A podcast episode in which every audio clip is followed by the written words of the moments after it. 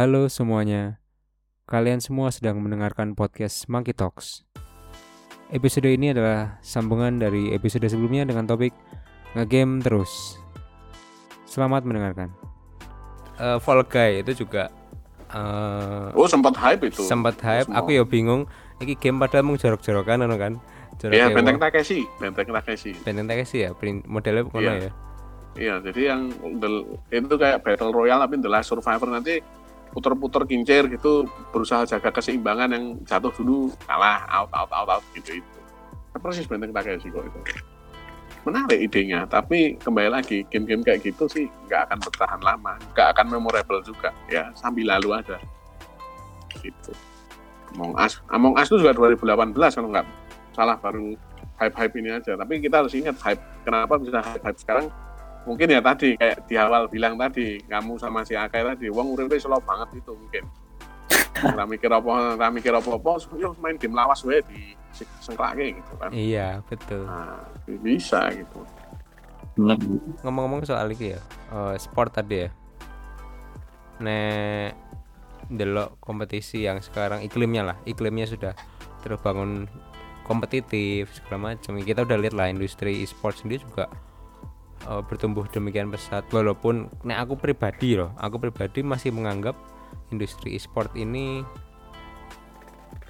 bubble industri kalau menurutku lo ya ini ini penilaian pribadi aja Kenapa aku bilang bubble karena supporting support sistemnya itu masih di sektor yang berdekatan. Misalnya sponsore tim e-sport gitu ya. Dia belum belum belum menjangkau sponsor yang nggak berhubungan langsung dengan eh, Electronic gaming, elektronik misalnya.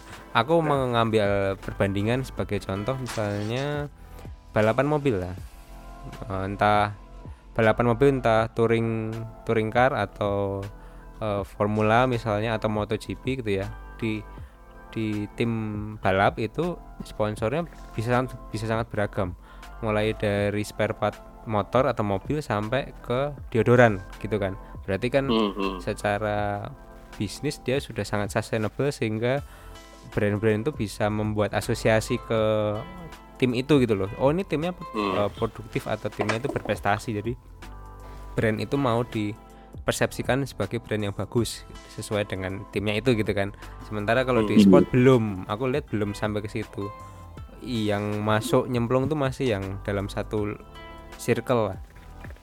Tapi anu deh, tapi bisa dilihat juga kalau dalam konteks electronic sports ya atau e-sport tadi eh satu ya, semua orang bisa join. Mungkin si Akai karena sama Andre ini bisa semua join semua. Iya sih, dia Asal- tidak nggak ada batas usia ya sebenarnya ya.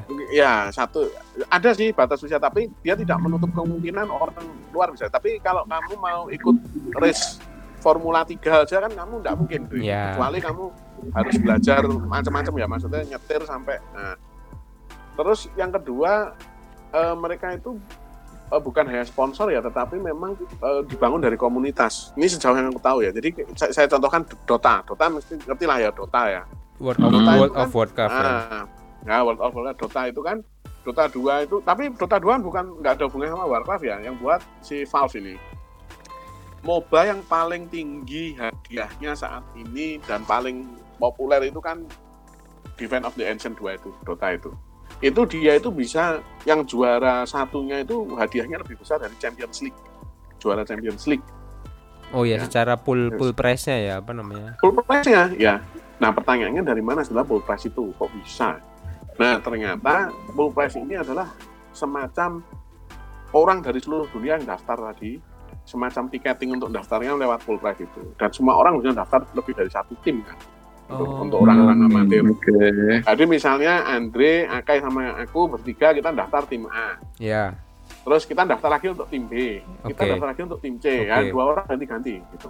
Perkara nanti siapa yang mau masuk sampai final, nah terus nggak masalah. Nah, full price ini dapatnya dari situ, termasuk juga dari kompendium dan jualan-jualan tadi yang kamu nggak suka dari microtransaction dari pernak-pernik. Walaupun kalau di dalam Dota itu pernak-pernik itu tidak nambah. Beda ya dengan Mobile Legends, makanya aku nggak suka banget Mobile Legends karena tadi eh, itu top spender Mobile Legends itu skinnya tuh top spender. Tapi kalau Dota itu enggak, enggak top spender. Kebanyakan game kompetitif yang bagus enggak pakai top spender. Lalu buat apa beli skin? Ya buat kalau uh, enggak nambahin jago, enggak. Gitu. Terus fungsinya apa kira-kira? Ya kalau mati dengan style aja, diver style lah. Nah, ya, jadi, yeah, yeah, yeah, kalau yeah. beli ya kan beli Apex, beli skinnya Apex Legends itu harganya dua ratus ribu satu skin itu. Padahal dia nggak nambahin jago, malah kadang nambahin nggak penting karena misalnya dia harusnya bisa ngumpet di apa shadow in bayang-bayang itu. Dia nggak bisa ngumpet karena bajunya kelip kelip kelip kelip emas gitu. Wah tembaknya dari jauh ya kena gitu. Tapi ya dengan matinya dengan gaya aja kan wah yang penting lampu ape. Loh, gitu. itu kan sama kayak prinsip fashion ya biasanya barang fashion itu nek secara fungsi itu malah nggak fungsi tapi nek Iya, didelok iya. wangun ngono kan Nah iya, ya kayak gitu kira-kira. Terus sama. Nah tadi tentang Dota tadi kalau kita hubungkan dengan sponsor, setuju aku.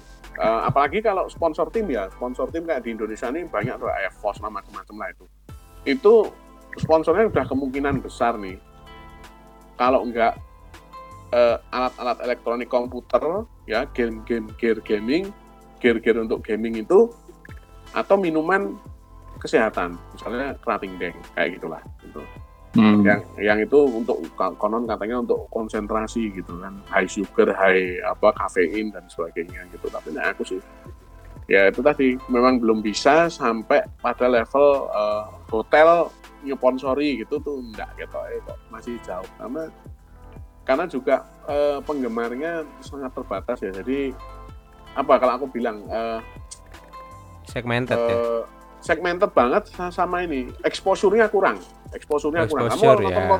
nah kamu nonton MotoGP itu kan wah exposure-nya luar biasa. Wah wah di televisi nasional gini-gini. Ya nonton pertandingannya Dota final. Ah, ya kamu cuma bisa nonton di channelnya Dota itu kok atau channel Twitch misalnya atau apa ya kerjasama itu. Dan itu free juga lah ya mas. Mau ngapain coba kan Eh, padahal yang Iya. nonton juga orang-orang biasa gitu bukan orang-orang berduit lah kalau MotoGP itu orang-orang bapak-bapak berduit om-om eh, berduit banyak nonton gitu Formula 1 sepak bola tinju apalagi UFC itu om-om berduit banyak nonton jadi pasti exposure-nya tinggi sekali Monetisasi ya gampang ya. Nah, monet- monetisasinya juga mudah gitu. Kalau game eh, kayak e-sport kita kok belum sampai sana ya. Mungkin mungkin 20 30 tahun lagi lah bisa kayak gitu. Wong ini di Piala Asia sama di Olimpiade aja masih dipertanyakan kok ini layak nggak untuk dipertandingkan gitu. Karena apa namanya kok ya itu tadi kayak kata Andre kok game kok kayak ini gitu walaupun nek aku eh, apa kok sports kok tapi kok orang sports gitu walaupun Hmm. tadi aku bilang bahwa uh, ya harus karena gimana pun itu uh, bakalan jadi apa istilahnya culture atau budaya di masyarakat ya. Kebayang nggak sih Indri kamu 20 tahun yang lalu atau 30 uh, 25 tahun yang lalu kalian bayangin nggak sih ada oh besok itu ada desainer grafis profesi ya, ada desainer grafis, ada web designer, ada gamer, ada nggak kebayang. enggak Nah, nggak sejauh kebayang kan itu. dulu. Ya, apalagi dulu apalagi sekarang apa caster itu caster tuh profesi yang dulu tuh Nah, iya. ono toh Ah, ya ini iya. sedikit sedikit eh, cerita pengalamanku ya. Kenapa aku takjub dengan e-sport tuh? Aku baru bener-bener bisa mencerna eksistensi e-sport tuh kayak mungkin sekitar 2-3 tahun yang lalu lah. Ah, sebelum-sebelumnya itu kayak oh betul e-sport ini gini gini nah sampai ketika di mana waktu itu ya Arya koncoku. Dolan neng Hmm, hmm. neng Area server anu, Arya. Area apa kan? Penyanyi ya. apa? Eh, iya Julia Julia Julia, Julia, Ah. Julia. dia pernah main ke tempatku di Tangerang terus aku takut Hmm. apa itu mana Arab nonton e-sport neng ISPSD Nah, Oke. iya, iya. terus aku Ah. sambil bertanya-tanya dalam hati apa yang membuat seorang Arya itu sampai terdorong nonton di Nonton. sini live gitu loh sama kayak kita Hmm. nonton konser band ngono kan. Atau nonton bal-balan atau nonton ya pengen nonton. nek nonton band kan luwih luwih effort ya maksudnya luwih niat. Dan waktu itu ah, ada ngasih clue ke aku ya wes gue tontonan iki deh iki ono ono live streamingnya dan aku gitu waktu itu nonton loh ternyata seseru ini ya. Jadi kayak penontonnya itu chanting ya apa sih? Chanting itu apa ya? Bersorak-sorak ya apa jenenge? Hmm. mengalu-alukan Yel-yel. gitu loh yel-yel gitu ya. Yel-yel tim favoritnya gitu wow hebat gitu gitu. Pokoknya apa ya vibe-nya eh, nuansanya atmosfernya itu seakan-akan kita lagi nonton fighting real fight gitu loh. Seperti kita lagi nonton Smackdown atau lagi nonton UFC gitu ya. Itu yang Hmm. aku rasain waktu itu nonton itu. Jadi oke ternyata industri ini tuh sedemikian gede dalam arti pe- penontonnya atau penggemarnya itu ya banyak gitu loh. Tak kira ki mung sidik gitu. Waktu itu ya sekarang udah paham aku Iya. Ya nggak kebayang kan 20 tahun yang lalu bakalan eh, ada fenomena-fenomena game yang seperti ini gitu. Bahkan ono kuliah ning ilmu komunikasi ono si game juga Nah, ya nggak itu. kebayang aja gitu. Ya, nggak kebayang gitu. Orang anggapnya ya media masih televisi, paling internet itu. Enggak, the best storytelling platform sekarang game bukan film.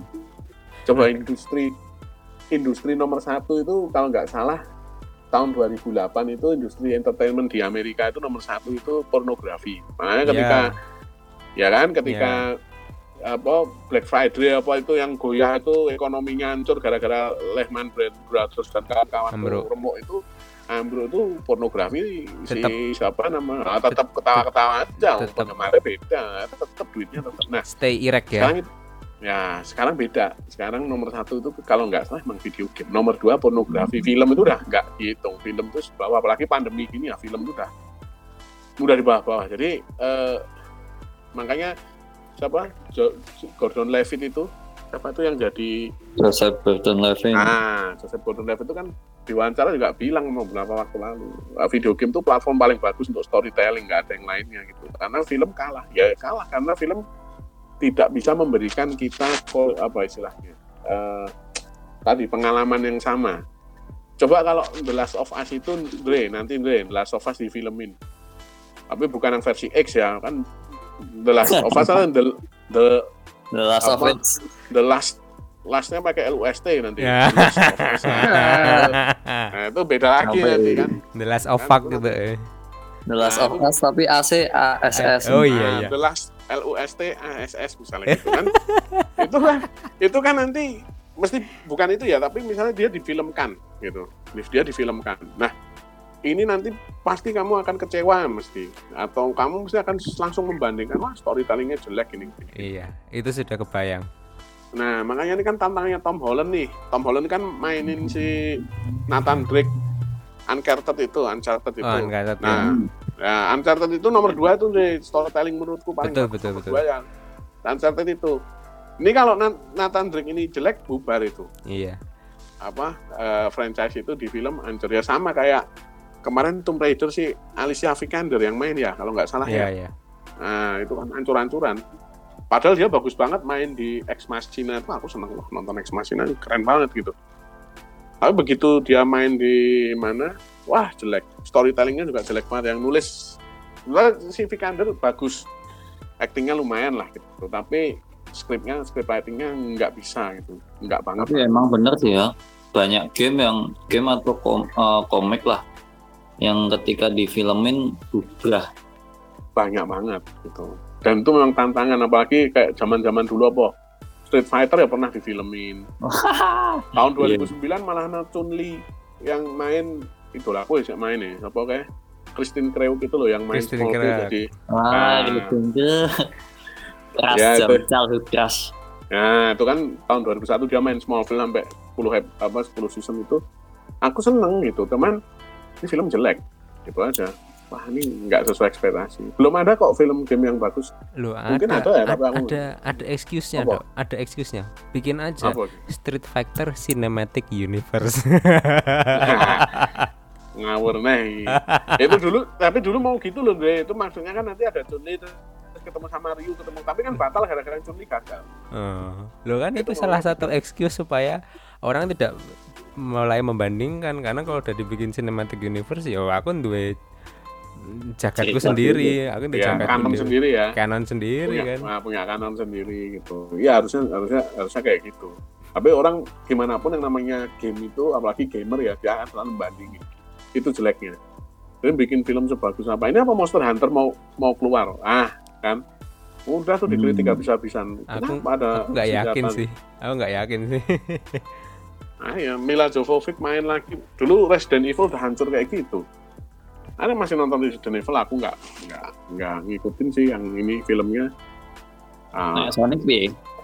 Sonic kemarin kan dikomplain soal visual kan karakternya itu. ah, ah. Itu Terus? Sonic sudah jadi rilis belum sih? Burung toh. Tak kira wis itu kan Burung. Burung ya? Trailernya Tapi- keluar itu kan. Trailernya, ya trailernya Trailer. keluar terus matanya jelek banget, Terus Ah, direvisi. dikomplain kan. terus direvisi habis-habisan. Oh. Iya menarik itu kasus kayak nah itu karena wah ini jelek malah langsung ada yang bikin fan artnya langsung bikin harusnya bikinnya desainnya kayak gini loh. Nah itu dipakai desain dia gitu entah mungkin dibayar juga nggak ngerti tapi eh, intinya desainnya di, diubah. Gitu. Malah film yang cerita tentang game tapi nggak dari game bagus. Contohnya Ready Hmm. Player One. Oh, Aku mau Nonton lagi aku mau lagi nonton kedua kalinya. Lagi we mau Oh, sebelum Kan, take itu podcast ini. itu gue film apa game tuh? Itu film film itu Oh, Steven gitu. Spielberg om. Steven Spielberg. Yang- Oh, tak tonton nih. Aku Ya. beberapa kali mendengar nama itu tapi belum terbuka untuk menonton. Nah, yang asik dari yang asik dari Ready Player One itu referensi 80-an, 90-annya kuat banget. Kuat banget. 70, 80, 90 itu bagus banget. Nah, Hmm. kamu udah baca bukunya belum, Dre? Belum ya, aku main nonton film nonton film itu aku. Nah, bukunya jauh lebih bagus, Dre. Nggak sesederhana di filmnya. Terus di filmnya tuh kan, ya simpelnya, kamu nonton si cowok tuh ganteng kan, si siapa itu, eh, Watts itu. Iya, Si- Wait namanya? Wait Watch. Wade, Wa- Wade, Wade Watts itu ganteng. Terus ceweknya juga cantik kan. Aladinnya dia punya eh, tanda lahir di Heeh, mata itu heeh. tetap tetap ayu toh ngono. Heeh. Wah, kalau aslinya orang yang buku tuh Wade Watts itu Remuk. freak banget. Wah, remuk tenan, jerawatan, elek, lemu. Wah, ya? momen Pelengeh ya? mambu, oh, momen jijik banget intinya ngono. Wis ki tipe-tipe gamer yang nggak keluar kamar lah. Tipe-tipe hikikomori nggak Hmm. keluar kamar tapi lemu elek ngono ceritanya ngono dan ceweknya ini nggak mau diketahui mukanya kayak apa Wah itu baca bukunya itu bagus banget aku baca bukunya setelah nonton filmnya Itu si temannya kan udah ngasih clue si Egg gitu. Kamu Hah? harus kamu harus tahu diri, tidak nggak selalu apa pemain yang kamu lihat di Oasis itu sama seperti di dunia nyata itu Ah. kan dia udah ngasih iya clue. iya bisa aja cowok jadi cewek cewek jadi cowok contohnya si H H Lee kan Cewek berode itu. Heeh. aku banget nek main game kan nganggone cewek Iya, nah aku ya bisa kalau bisa aku karakternya itu cewek terus aja. nah, betul terus terus jenenge Dian Sastro. Oh bukan, oh American Reject ya? oh kuwi Sealers wis ora anu ya wis iki album terakhirnya wingi wis apa udah berapa tahun yang lalu. Gitu. Menarik kok tapi apa ngelihat uh, fenomena itu apalagi film uh, mau gabung dengan game dan sebagainya. Terus anak apa namanya uh, orang tua menjadi orang tua juga Wah, yang ini. juga. Oh ya aku tak cerita sih nek bab wong tua. Jadi ini yang penting ya ini mungkin yang penting mungkin untuk parenting. Gimana pun ya teman-teman anak-anak kita itu lahir nantinya entah lahir entah lu ambil anak angkat lah apa pun itu mereka dibesarkan di eh, era digital. Iya. dan nggak mungkin dan nggak mungkin itu dilarang. Mereka tuh digital native ceprot lahir terus kawakmu ngelarang anakmu ora oleh nyekel handphone. Wah protohil yang mustahil itu. Kok bisa? Kok bisa? Lah dirimu megang handphone nggak? Kalau dirimu megang handphone lah anak itu mimik dari dirimu ya dari orang tuanya ya paling Yes. mudah ya anak itu adalah uh, mencontek orang tuanya bukan diajarkan oleh orang tua tapi memang nyontek nggak boleh ini nggak boleh ini ya misalnya. Nah, tapi orang tuanya ini itu nggak boleh ngerokok ya gitu tapi orang tuanya ngerokok ya. Anaknya ngerokok. Nggak boleh ini ya tapi orang tuanya ngebut misalnya nggak boleh ngebut ya. Orang tuanya nyetir ugal-ugalan. Nah anaknya jadi kayak gitu. Atau misalnya kamu harus banyak baca buku. Orang tuanya konsisten. Ya mau buku terus orang no TV ya anaknya nanti seneng baca buku. Nah, sama sebetulnya dalam konteks digital native anak itu lahir orang tua udah pegang handphone. Kalau misalnya si Andre ini ngelarang atau si Aka ini nanti ngelarang anaknya kamu nggak boleh banyakkan handphone gini-gini ya teman-teman harus yang mulai duluan nggak pegang handphone depan anak itu udah rule number one lah menurutku eh, eh, apa namanya eh, eh, aturan nomor satu. Nah problemnya adalah di rumah aku nggak bisa ngelarang anakku main game. Simpel aja karena aku main game gitu loh. Jadi yang akan yang alih-alih aku melarang yang aku larang adalah nonton TV tadi aku udah cerita Andre TV lokal tadi. Itu itu benar-benar nggak boleh Andre kalau di rumah Andre aku restricted itu. Wah TV lokal itu enggak deh gitu.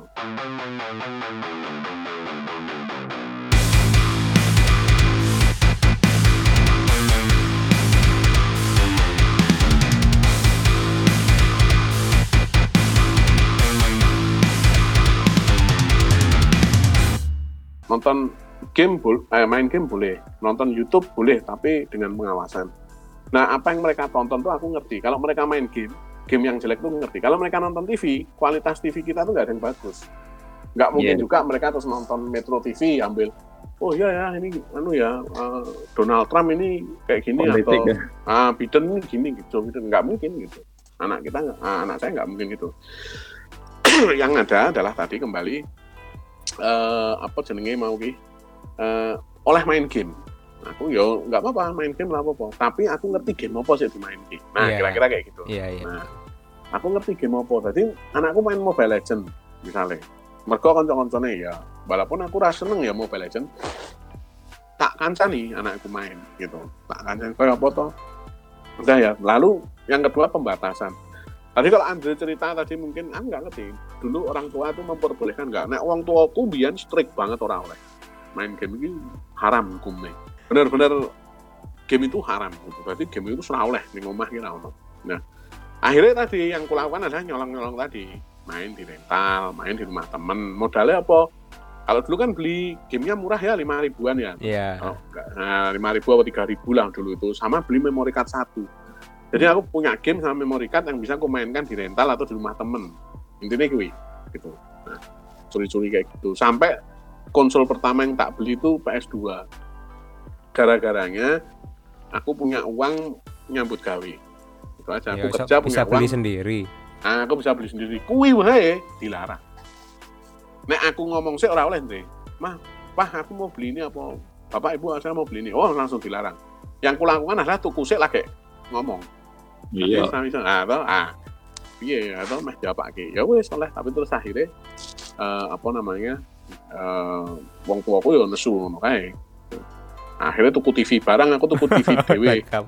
Cek cilik kayak ah ning tak go ning dhuwur. Terus Un- nek main ora ning ngarepe wong tuaku. untung gue ratu Gitu. meteran listrik sisan dok aku tak tuku Waduh. meteran listrik sih Ora iso aku, kan diboikot merek Prancis kuwi. Boikot banyu aku wae ngopo tuku banyu aku wae gua nggak boikot meteran listrik ini merek Prancis Prancis. Iya toh. Ngono, artinya anakku tak jarke wae main game. Ya nggak apa-apa tapi sehari maksimum satu jam. Wes, kuwi wae.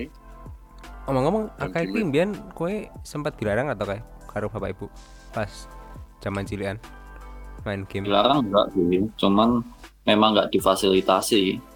Nah, Jam jadi dari zaman Nintendo gitu enggak, cuman pas PS1 cuman dibeliin PS1 aja. Cuman ya memang karena pada dasarnya aku suka suka visual ya, desain dan visual gitu. Jadi dari kecil kan kalau misalnya ke belanja nih belanja bulanan ke swalayan gitu ya mampir dingdong gitu. Terus zaman Sega masih Sega itu ke rentalan PS juga banyak di rentalan PS2 itu numpang di temen kos kalau sekarang lebih cenderung streaming ya nggak streaming ding. Nonton di YouTube sih. Misalnya ada game yang kayak tadi Ghost of Tsushima, gitu Tsushima, ya ya. wes nonton gitu Heeh. Jadi Tapi tahu- banyak banyak yang gitu juga kayak saya kayak maksudnya nggak beli gamenya. Walaupun dia punya platformnya ya tapi kadang dia nggak mau. Jadi misalnya aku tuh nonton aku yang tak tonton habis ning YouTube ini salah satu contohnya Assassin's Creed. Aku nggak mau beli gamenya karena aku udah ngerti gamenya gitu nggak ada yang- ya wis kayak ngono kayak lah. Terus aku Heeh. ah, tak tonton sinematiknya wae kantek ngono kayak eh, 30 jam misalnya ngono kayak ya wis nyambung nyambung. Tiap wengi ngono. Setengah jam. Ya banyak yang gitu ya. Itu itu menghemat waktu. Eh, gini itu itu jadi bahan pemikiranku beberapa waktu yang lalu. Artinya gini dulu itu orang dianggap khatam game itu kalau namatin bener nggak aku Iya. wis namat ke Tekken, aku wis namat ke Final Fantasy lah. Final Fantasy itu jadi Hmm. kayak milestone. Kalau orang udah nyelesain itu udah sah kamu fansnya Nobu Uematsu gitu Iya. kan atau fansnya Ah, 50 jam ya, itu 60 jam ya. Iya.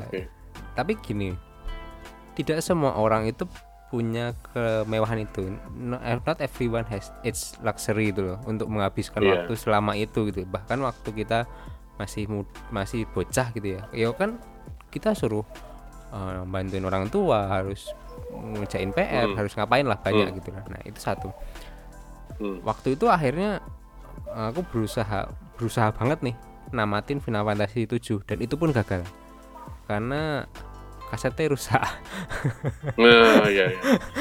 Kaset bacakan biasa. Iya. nah nah eh, hal itu terus membuatku berpikir nek pamane namatin game itu sebagai benchmark sebagai patokan maka aku nggak akan menjadi gamer sampai akhirnya The Last of Us ya itu aku bisa bilang Iya. satu-satunya game yang game ceri- yang berdurasi lumayan panjang yang aku tamatin dan terus akhirnya aku mendapat satu insight bahwa oh ternyata sekarang orang bisa menikmati game dari YouTube. Maksudnya nonton loh dan itu dengan menonton itu orang juga bisa mendapat detailnya gitu loh feelnya juga dapat. Ya pamannya gamernya memang jago kan.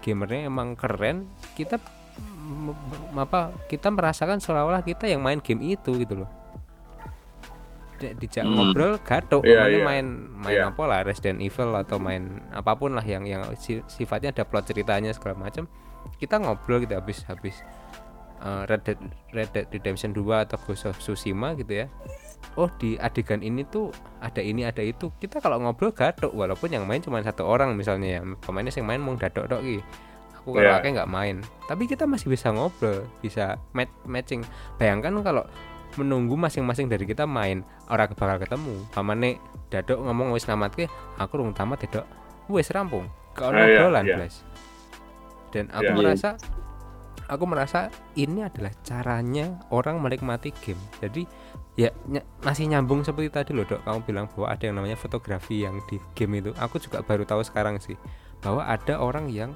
bisa mengambil keindahan dari game itu sendiri menjadi sebuah konten gitu aku bahkan nggak terpikir maksudnya oh berarti ada orang yang bisa mengapresiasi game itu di aspek itu gitu loh nggak perlu harus oh pokoknya aku tuh tamat loh ternyata enggak gitu Eh, tak kirimi kuwi list gameku sik wis tak tamat tekan saiki. Wih, Tiap aku niat. tamat game tak up- update ya. Tiap aku tamat game tak update, tak update, tak update. Mungkin ana sing keralen siji loro lah. Tapi oh iya iya kira-kira ya. oh Itu nganti oke banget. oh, dadok dadok ini sampai bikin apa istilah jurnal List. jurnal jurnal Iya, game-game yang udah itu. ditamatin wah luar biasa ini Itu banyak yang masih miss sih sebetulnya. Maksudnya ah, saking wis we aku wah kok ini game apa meneh ya gitu. Ini dari tahun 84 lah, aku main game mulai 84 aku. Jadi mungkin kalian baru lahir atau belum lahir mungkin aku main game. Dulu neng Apple Apple 2 eh, prosesornya sopo biar ngerti tapi wis komputer tahun 84. Komputernya regane karo omah larang komputernya. Bapakku itu hibah. Soalnya eh, dapat beasiswa ngono kae lho terus kayak komputerku juga gitu. ini sih Hmm, ini sih nah, ini sih banyak banget sih aku aku sambil ngeliatin list yang di dadok kirim itu ada Iya. kali ini puluhan ratusan kali ratusan game ini Ya, is- saya ini, ingat itu.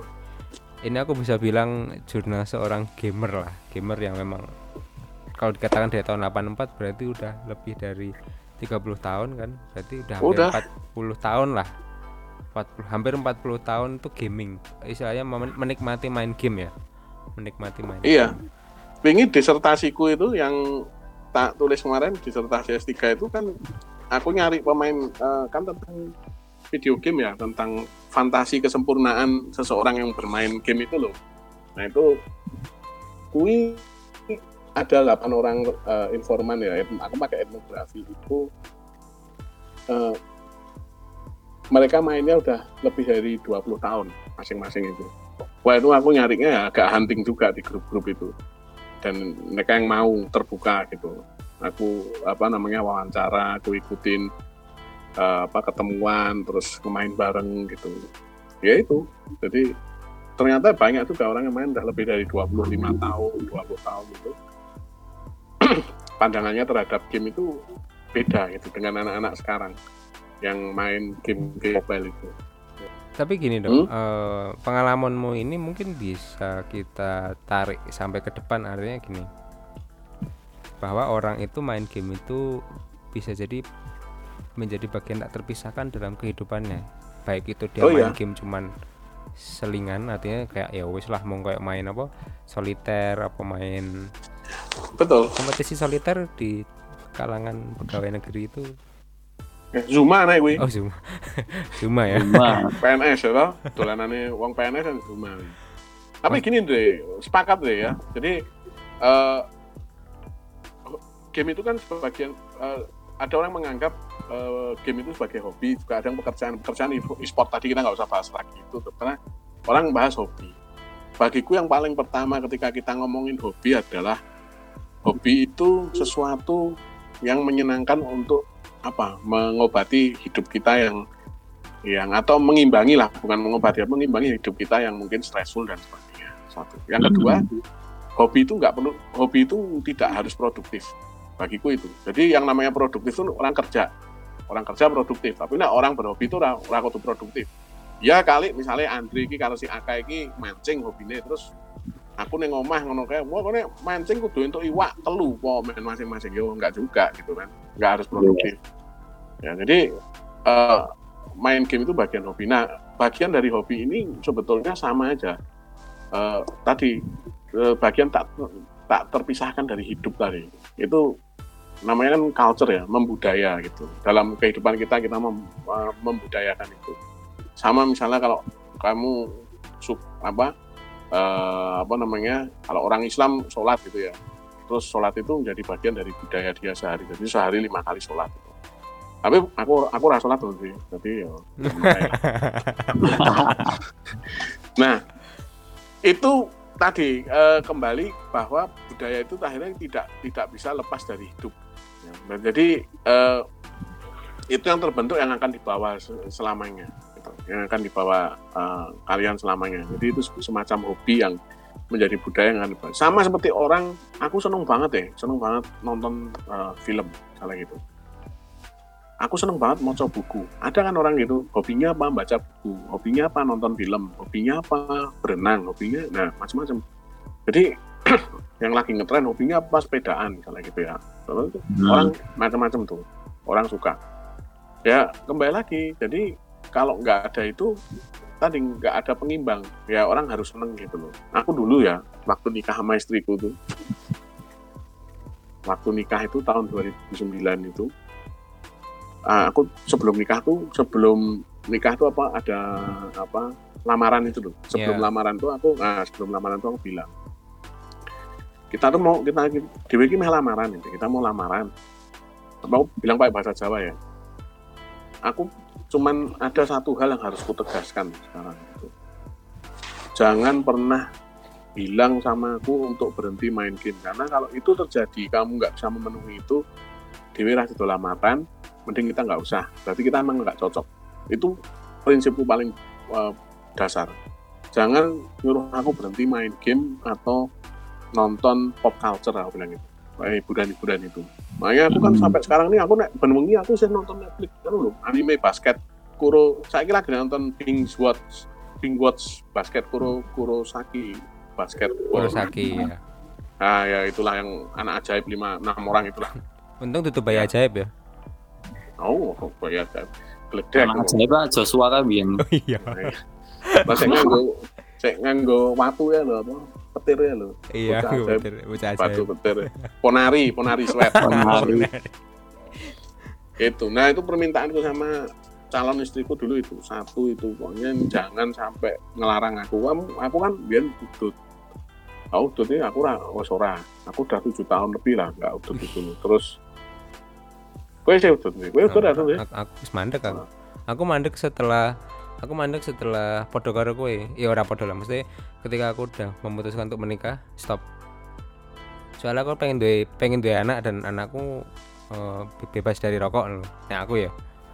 ya sama aku aku biar ngono kuwi tapi saya harus saya udut hanya di kantor itu pun aku nggak pernah beli sampai akhirnya aku berhenti total ya sekitar 7-8 tahun lalu nah eh, metu bengi aku biyen seneng dolan bengi. Aku sora apa apa pun oleh lah. Kecuali kuwi mau main game karo nonton-nonton apa jenenge eh pokoknya hobi lah, kecuali hobi misalnya kayak main game, main kartu MTG, nek kowe ngerti kartu MTG lah sih. Ma- Apa main itu enggak? Magic the Gathering lah Magic the Gathering. Aku bisa main itu. Itu untuk komunitas. Jadi eh, oke kok anak Jepangan mesti awakmu kenal dari Wih, aku karena oke anak Yu-Gi-Oh wih. Nah, aku main itu untuk sosialisasi. Jadi ketemu teman-teman sik pekok sik di luar konco kantor. Konco kantor, konco SMA, random wae, random people, eh, random shit ngono kae ketemu wong-wong kuwi. Nah, wis butuh butuh kuwi wae aku butuh delok masyarakat ra jelas ngono. Tapi intinya itu intinya aku buat perjanjian itu. Jadi ya ketika nikah pun aku nggak main-main ketika aku bilang no kalau kamu tetap nyuruh aku misalnya gini lah Dre, aku ngapusi apa akai ya. Misalnya aku bohong. Oke aku nggak akan main game lagi. Kamu nggak suka aku main game aku nggak akan main game lagi nah pertanyaan nih aku ngerti bahwa diriku orang iso mandek main game terus aku berusaha berhenti untuk orang lain. Wah gue siksaannya luar biasa. Dan mesti Oh iya, gagal jelas. nah bener kan? Nek awakmu Yes. terus gagal awakmu gagal. Ngerti-ngerti main game terus ngerti-ngerti bojomu nonton. Wah iso nesu banget. Nah aku nggak mau hal-hal itu terjadi jadi nggak usah bawa-bawa waktu itu aku bilang nggak usah bawa-bawa problem game ini ke masa depan terus ngonek-ngonek aku gini karena udah setuju bahwa aku tetap main game. Nah itu itu seperti itu aku. Bener sih memang harus dijelaskan dari awal juga. Ini aw- awalnya Dewi ngomong game kita bisa bawa bahkan kita bisa bawa ini ke relationship. Ya ini tadi Oh, iya. no. aku sudah bahan omongan kayaknya oh, negosiasi dalam relationship nah bisa itu. Jadi eh, aku bisa bilang bahwa eh pamannya Dewi yo ini kan kita kita berada di da- di masa di era di mana kita mulai diperkenalkan game ya anggap mau dadok mulai game tahun 84 tuh kan masa di mana memang awal-awal game itu muncul kan sampai sekarang. Iya. Hmm. Nah, kita berada di masa-masa tersebut dan sudah pasti ke depannya industri ini akan semakin gede, semakin gede, semakin gede itu. Jadi sangat lumrah nanti generasi-generasi berikutnya itu mau menjadikan game itu bagian tak terpisahkan dalam kehidupannya gitu loh. Kalau Iya. kita Yes. sebagai orang yang le- hidup lebih dulu gitu ya, kita cuma bisa memberitahu dulu itu kayak kayak gini. Nah, sekarang kayak gimana ya kita lihat aja gitu kan kita Iya, lihat apa yang betul. terjadi saat ini kita nggak bisa menggunakan standar tahun lalu atau masa lalu untuk menjadi patokan masa kini atau masa depan iya aku mau mau mencoba merelate dengan topik tentang game tadi kalau kita bilang bahwa oh eh, zaman sekarang itu kan didominasi oleh game-game gacha, microtransaction segala macam, kompetisinya kenceng. Kadang kan kita sebagai orang tua tuh kan ngeliat iki bocah kok ma- madep HP terus, apa madep komputer terus, madep TV terus ya kan. Nah, mungkin kita bisa melihat lagi bahwa value apa sih yang mereka serap gitu ya. Karena kan yang namanya nilai-nilai itu kan bersifat universal. Nilai-nilai apa respect ya, me- menghormati pemain yang lain, menghormati aturan main, me- menikmati apa yang ada di dalamnya. Oh, apa jenenge memainkan game sesuai dengan umur ki yo penting loh gue iya iya. Iya sama nonton film juga gitu. Ise di bawah 13 tahun disodori adegan-adegan yang ciuman kan nanti lebih cepat mateng ya nanti. Iya. iya. Kayak gitu. Dan kurasa itu akan bisa bisa relevan eh, meski apa istilahnya meski melewati zaman loh pamane nilai-nilai itu dulu sportivitas eh, iya. apa jenenge respect eh, apa namanya showmanship segala macam lah. Itu bisa bisa muncul dalam berbagai macam bentuk ngono lho. Nek mbiyen modele pertandingan eh, kompetisi sekarang modelnya e-sport eh, apa namanya liga atau apa gitu kan.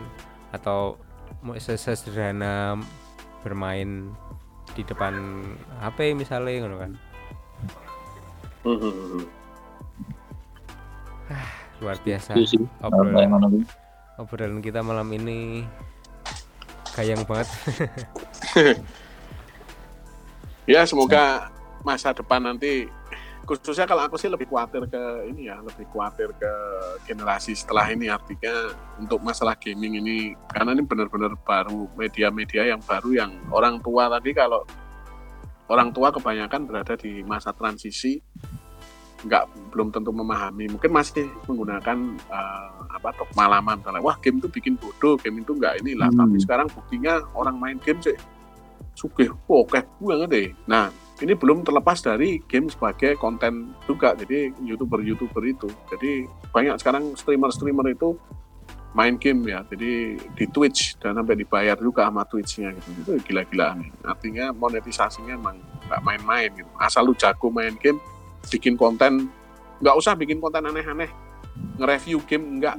Bikin konten kamu main game dengan jago kejagoanmu iya. aja. Iya. Oh selesai selesai. Gitu. orang banyak nonton banyak pengen niru gayamu banyak wah selesai. Laku dijual. Terima kasih telah mendengarkan podcast Monkey Talks. Kalau kalian suka dengan podcast ini share di Instagram dan ikuti terus podcast Monkey Talks di Spotify, Apple Podcast, dan juga di YouTube. Sampai jumpa di episode berikutnya.